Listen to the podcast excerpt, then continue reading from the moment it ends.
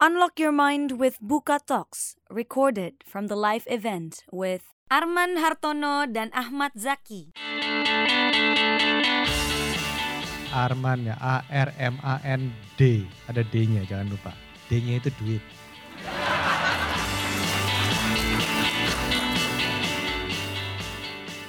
Let's join the talk. Assalamualaikum warahmatullahi wabarakatuh. Eh, terima kasih buat Bukalapak udah ngundang saya sebagai moderator. Kayaknya pernah ketemu Pak ya. Mas di mana ya kita pernah ketemu ya?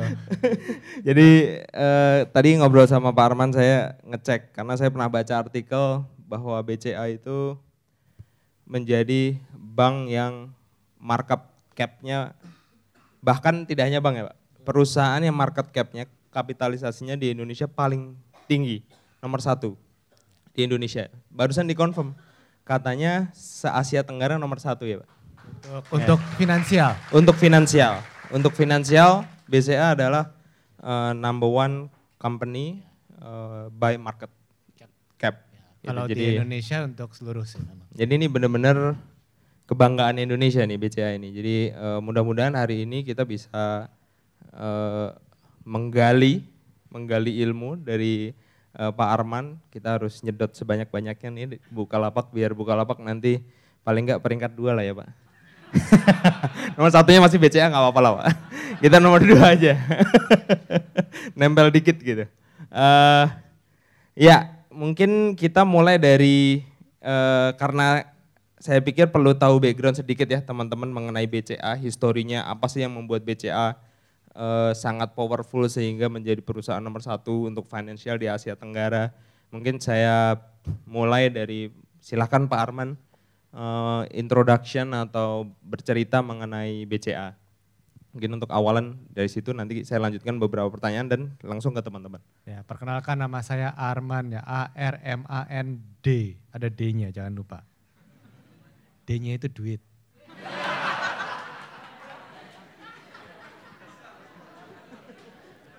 Dan nama lengkap saya itu singkatan. Cocok kerja di bank karena itu singkatan dari asal rajin menabung, Anda nambah duit. Eh, sorry, ini sharing atau stand, atau stand up comedy, Pak? Boleh apa aja lah. Oh iya. Untuk Pak Arman silakan apa aja. Ya, jadi sejarah BCA sedikit sebenarnya kita baru berumur 61 tahun. Startup startupan baru. 61 tahun, sebenarnya baru berkembang itu tahun 90-an. Kenapa? Karena tahun 88 terjadi krisis. Krisis likuiditas. Nggak ada uang di pasar, nggak ada uang. Bank aja mau dapat uang susah. Suku bunga naik dari 15 naik ke 20 persen. Rupiah melemah waktu itu. Uh, sehingga jadi bank bingung, ah, mau ngasih kredit ke mana? Masa kasih kredit 25-30 persen, siapa yang bisa bayar? Ya sudahlah, nggak usah bikin kredit dulu. Tanya nasabah, nah itu. Customer obsesi dulu, tanya. Mas, pedagang butuhnya apa? Lah aku mau bayar butuh tiga hari. Aku mau dibayar, udah dibilang butuh satu minggu baru terima uang, zaman dulu. Jadi maunya apa? Ya kalau dibayar ya sekarang. Kalau bayar ya sekarang sana terima. Oke, mau apa lagi?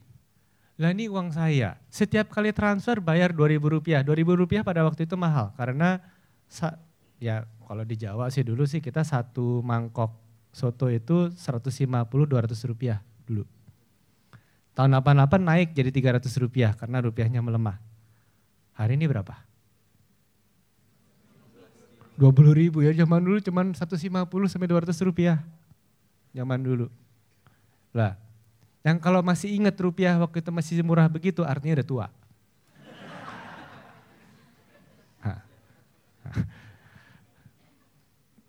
Dan uh, itu membuat kita terpaksa merubah bisnis model. Satu, customer mau transaksi now, sekarang. Dan lalu itu uang-uang saya kok saya mesti bayar mau ngapa-ngapain pakai uang saya kok mesti bayar. Jadi maunya apa? Ya gratis. Waduh, kenapa Pak mesti gratis? Saya kan pedagang.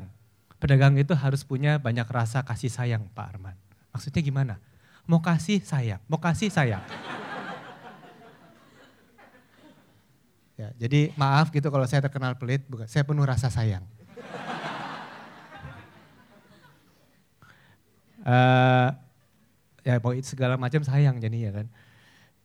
Nah itu yang membuat kita kepepet, akhirnya kita struggle, bikin caranya bagaimana dengan teknologi pada waktu itu adanya satelit dan segala macam, bikin sistem pembayaran yang online, uh, gratis. Ya bank-bank lain bilang BCA gila ya, transaksi gratis, iya transaksi gratis, tapi kan kita bisa dapat kalau keuangan itu bisa ada keuntungan dari interest margin. Ya kalau kita ya turunin sedikit di sini, tapi transaksi segala gratis di antara BCA, admin biaya admin bulanan akhirnya kita hitung itu nggak bisa, ini harus ada admin bulanan, jadi kayak subscription modelnya, eh, dan itu terima nasabah. Dan nasabah suka sekali sehingga uh, nasabah kami waktu itu hanya 500 ribu tahun 88 tuh berapa ratus ribu, itu udah besar zaman itu. Hanya dalam waktu enam tahun naik ke 5 juta. Pusing kepala karena kita tidak siap untuk menerima nasabah segitu banyak, terja, terciptalah bank capek antri. Ha, maaf, bukan karena sengaja, karena kecelakaan. Nah, ngikutin maunya customer, kecelakaan jadi besar. Dan tim kita tidak siap. Kita nambah orang, 10 ribu orang mau kita pekerja kita tambah. Dalam waktu kita nambah 10 ribu orang gak cukup. Akhirnya salah nih, nambah 10 ribu yang ada 10 ribu orang yang kerja ini, teller kita pun kerjanya pusing, setiap pulangnya malam terus. Kalau di bank normal itu transaksi per teller itu 20 sampai 40 transaksi, di, BCA itu 200 sampai 300. Jadi overwork. Capek kerjanya makan aja nggak sempet, kencing nggak sempet, ke WC nggak sempet. Bayangin kan, terus disuruh senyum lagi. Udah kebelet, udah ini, nanti disuruh senyum gitu. Kita bikin program, senyum sapa. Cuma dimintanya begitu, senyum sapa aja sama nasabah. Senyum sapa, senyum sapa. Kamu yang dari kantor pusat, eh kerja di sini. Ntar selisih. Uh, iya, iya, iya. Jadi itulah kenapa kalau tanya, kok BCA sih mikirin teknologi apa? Karena kepepet kita tadi mikirin maunya customer apa, ternyata sukses, berkembang, jadi masalah. Karena tim kita kerjanya kayak budak, itu kerja rodi saya bilang, kita tidak bisa memberikan service yang nyaman dulu. Sampai akhirnya salah nih, salah fokus. Mungkin kita juga fokuskan dulu bagaimana customer pun bukan hanya luar tapi dalam. So, coba yuk kita bantuin, pikirkan nih customer-customer internal kita juga, obsesi ke customer internal kita, masalah mereka apa kita bantuin. Jadi kalau dulu tahun 90-an transaksi di BCA itu di, di front line retailer itu 90-an persen. Hari ini berapa persen boleh tebak? Siapa yang mau tebak hari ini transaksi di cabang berapa persen? 30 persen, 30 persen, ya, ya, ya. Lelang dimulai, ada yang berani lagi, ya turun lagi, berani turun, siapa berani, ayo. Tiga persen, tiga persen, siapa lagi berani? Sepuluh, sepuluh. Maaf ya, yang paling benar yang bosnya ya. Jawabannya dua persen sih udah. Tapi sudah paling dekat.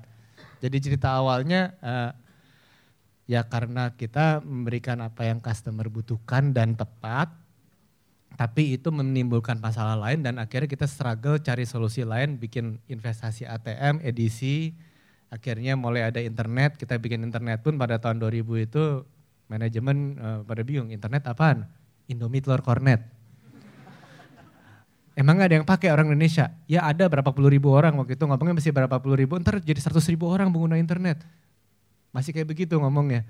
Ya, tapi coba aja keluarin. Bobol, kena phishing, kena apa masalah segala macam. Hadapi lagi bikin KBCA, bikin security ini segala macam, keluarin mobile banking, keluarin Eh, dan itu akhirnya dengan jalannya waktu ikuti saja nasabah maunya apa. Maaf tidak, apakah udah tanya apakah pernah sampai merasa wow BCA selalu dikasih jempol sama nasabah? Enggak, sampai hari ini pun masih banyak komplain. Karena jumlah transaksinya dulu cuma 500 ribu per hari, hari ini 25 juta. Secara persentase komplain nama kecil apa nama kecil, tapi jumlah komplain masih ada terus. Itu sih latar belakangnya begitu dulu, ntar kepanjangan. Oke, terima kasih Pak Arman. Uh, tapi jumlah cabang ini uh, meningkat terus trennya atau mal, semakin dikurangi Pak? dengan uh, persentase yang sangat kecil tadi? Untuk Indonesia, rasio jumlah cabang itu masih kecil.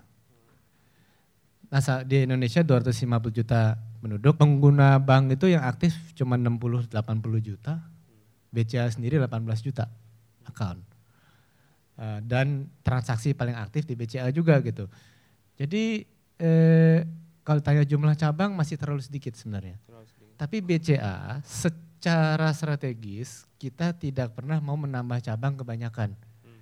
Karena kebanyakan orang mumet, sorry mumet, pusing. Mumet itu bahasa Jawa. Ya. Iya iya, ngerti. Nah. Yang lain, ini juga Jawa sama. mumet, kita kita waktu nambah 10 ribu orang, uh, kita sebagai manajemen pusing. Karena tadinya cuma berapa ribu orang, nambah seribu-seribu gitu. Uh, budaya kita segala macam, cara pelatihan segala pusing, beneran.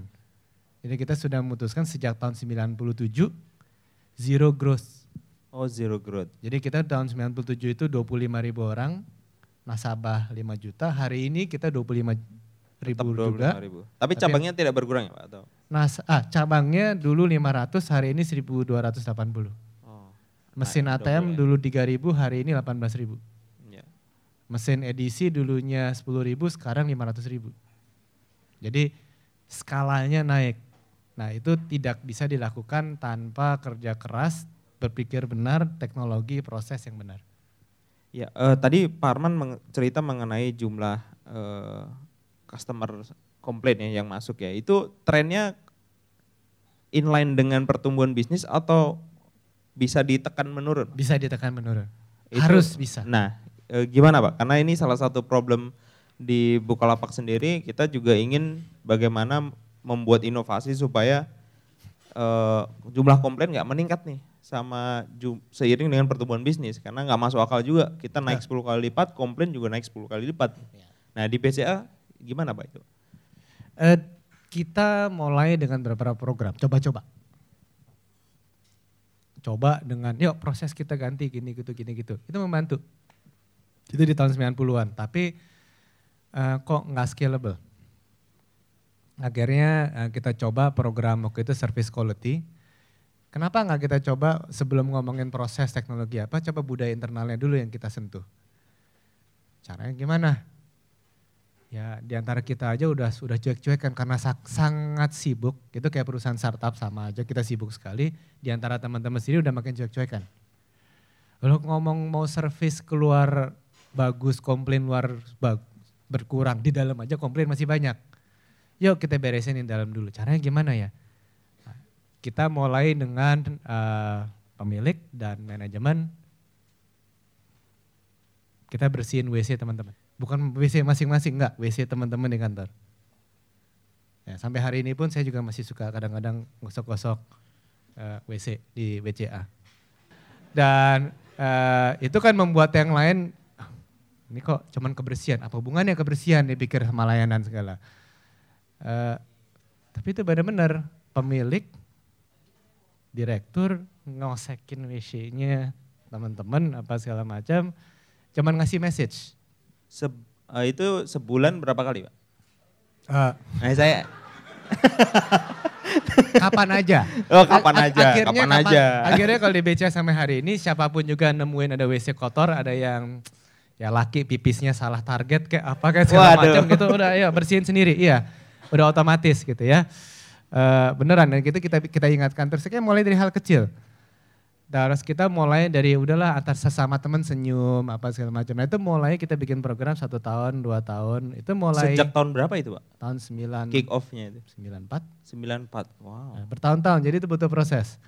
Tapi harus akhirnya benar kita coba yang keluar teknologi apa segala macam. Oke, tapi nggak sustainable. Perubahannya cuma jalan sebentar, berhenti lagi, jalan bentar, berhenti lagi karena budaya layanan saling melayani di kapan pun juga belum terbentuk. Ada kalau bos minta layani, ayo ubah proses, jalan. Tapi karena belum jadi budaya, ya udah, ntar balik ke rutin lagi. Nah itu yang awalnya itu, bagaimana membuat ditanam jadi DNA-nya semua orang itu otomatis saling melayani teman dan nasabah. Nah itu butuh berapa tahun di awal kita cari memang yang DNA-nya melayaninya tulus-tulus, bukan yang enggeh-enggeh moten kepanggih, kita cari yang yang enggeh, yang iya dan memang tulus untuk memimpin proyek-proyek perubahan budaya ini. Semari itu kita tambah lagi, saya, saya tambahkan akhirnya ada Kaizen untuk mindset continuous improvement untuk prosesnya. Jadi people dulu proses, ya teknologi permintaannya akhirnya banyak. Oh ubah dong begini dong, ubah dong begini dong tapi bukan hanya yang di luar, tapi yang di program-program di dalam. Jadi emang budaya dulu ya yang ditanam. Itu uh, efeknya memang panjang ya Pak? Panjang, efeknya panjang. Tapi bagaimana? Karena dilemanya kan kalau di startup ini kan susahnya mungkin pengennya pendek-pendek ya Pak. Uh, tiga bulan harus double nih angkanya gitu. Uh, kan kita selalu di kantor Bukalapak ngomongnya numbers gitu loh. Ya. Sedang ya. customer service ini kan uh, tidak ada nggak sih pak cara untuk mengukur paling nggak meyakinkan ke shareholder bahwa look customer service ini penting sekali loh by numbers atau apa pun itulah uh, bukti bahwa uh, fokus pada customer itu menghasilkan sesuatu yang uh, solid gitu atau konkret gitu. Ya. Bisa bisa juga dibalik. Waktu itu kita cara bicara kita balik. Satu customer yang kecewa, apa yang terjadi? Ikutin aja, ambil ambil beberapa sampel. Yang kecewa akhirnya menutup account. Selain menutup account, dia minta teman-temannya untuk menutup account. Minimum 9 temannya dalam waktu satu tahun itu. Dia lagi sebel, dia bete, dia akan ngomong jelek, apa segala macam dan ditutup account dan diminta keluarganya dan teman-temannya 9 orang. Average. Jadi bisa plus minus. Hitung aja tuh, opportunity-nya future value-nya, present value-nya satu orang yang hilang ini 10 tahun ke depan berapa? Jawabannya triliunan.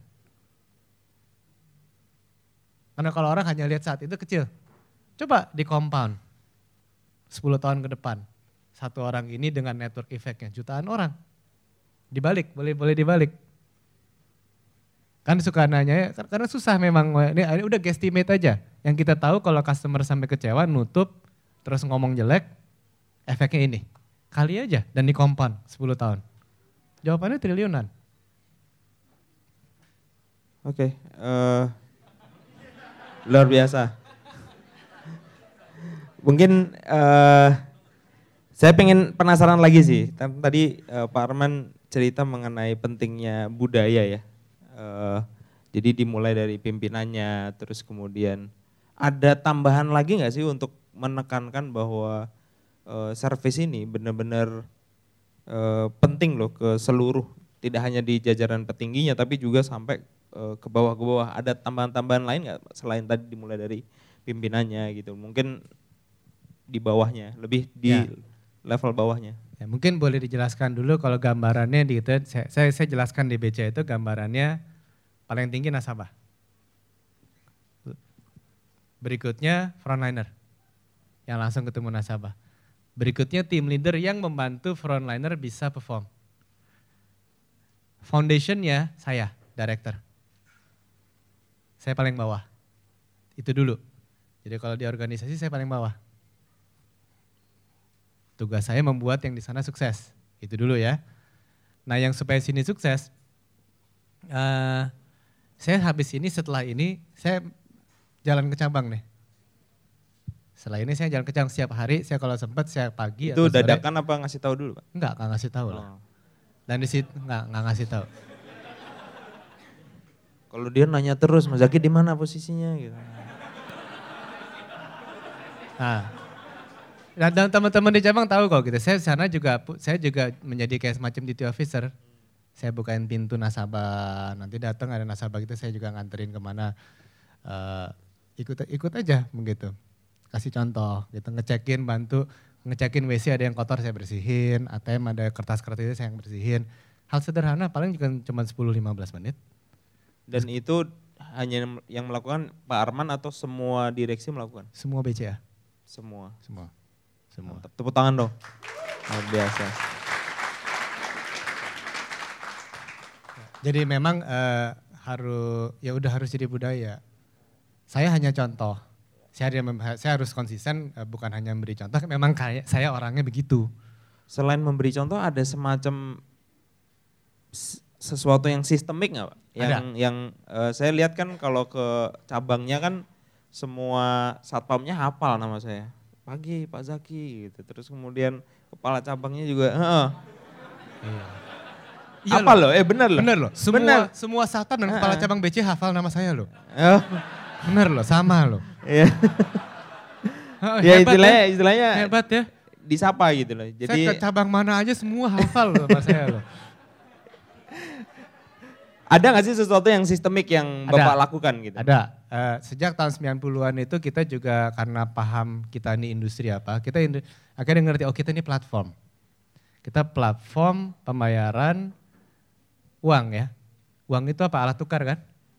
Alat tukar apa? Barang jasa. Bukan hanya barang jasa. Alat tukar barang jasa, apresiasi dan cinta kasih. Wih. Wih. Ya harus dilebay-lebayin. Tapi nggak ada sayangnya tadi ya? Hah? Kan tadi oh, ada kasih saya.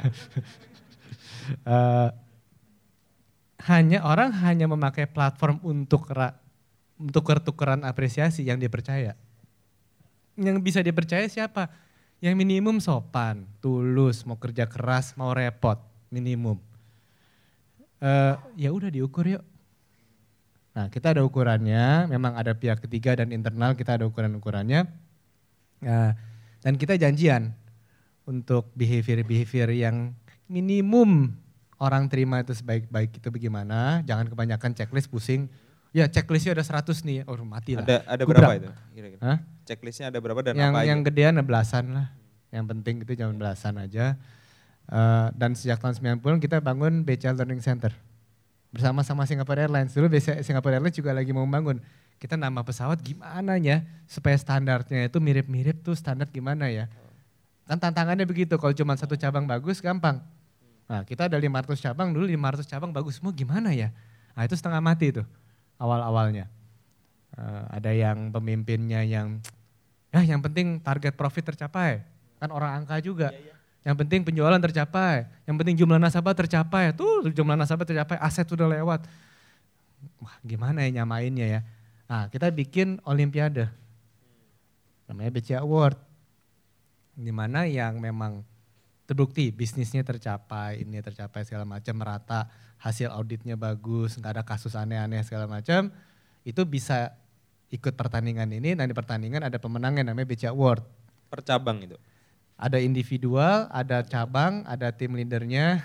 Nah, ya. Jadi ada beberapa kriteria, ada yang individu, ada tim. Kan sama kayak Olimpiade atau Asian Games. Uh, pemenangnya tentunya uh, nanti yang naik ke panggung, uh, saya berikan award. Awardnya jalan-jalan, ada yang ke dalam negeri, ada yang ke Bangkok, ada yang ke Korea. Uh, tour leadernya saya atau direktur lain, tour leader. Yang Boleh juga barang, tuh. Uh, Nanti saya tour leadernya. Uh. Boleh. Boleh Pak, ide yang menarik. Ya, ya, dan mereka tentunya karena kita kenal, kita bikin grup WA juga yang para juara, saya juga di sana kita ngobrol apa. Uh, dan karena kenal, karena apa juga secara karir juga lebih baik kan. Dan akhirnya setelah dari tahun 90-an sampai sekarang sudah membudaya. Jadi ada sistemnya, ada kompetisi. Nah tadi saya penasaran sama checklist tadi Pak. Checklistnya itu apa aja Pak? Kalau bisa di-share. Ada, ada yang, kita ada dua. ya Team engagement untuk dalam dan hmm. untuk yang keluar, customer engagement. Hmm. Uh, team engagement itu termas dan ini ada miripnya elemennya adalah kalau kita sigap atau enggak. Kita ada namanya smart, sigap, menarik, antusias, ramah, teliti. Karena kita bang harus teliti, hmm. nggak boleh salah hitung uang kalian kan. Ya amit amit. Uh, jadi misalnya kayak di telepon sebentar udah diangkat. Hmm. Belum di telepon aja udah diangkat. Wih.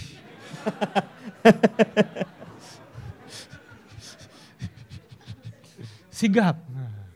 Let's, kok masih belum ada suara? Oh belum telepon.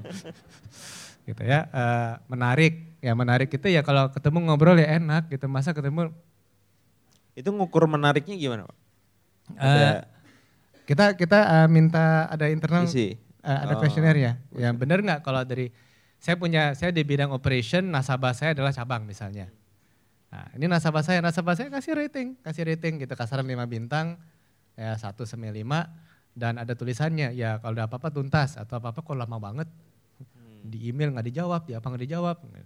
Internal ada dan ke nasabah juga sama. Nah ada ukurannya yang di internal maupun yang nasabah ada ukuran secara otomasi, secara sistem ada. Memang benar nggak service itu permintaan kapan sampai selesainya itu ada ukuran. Ada quality assurance untuk bagian customer service, ada quality assurance di Halo BCA yang memang ngecekin, ngambil sampel dan ada videonya. Kita di, di customer service kita ada video.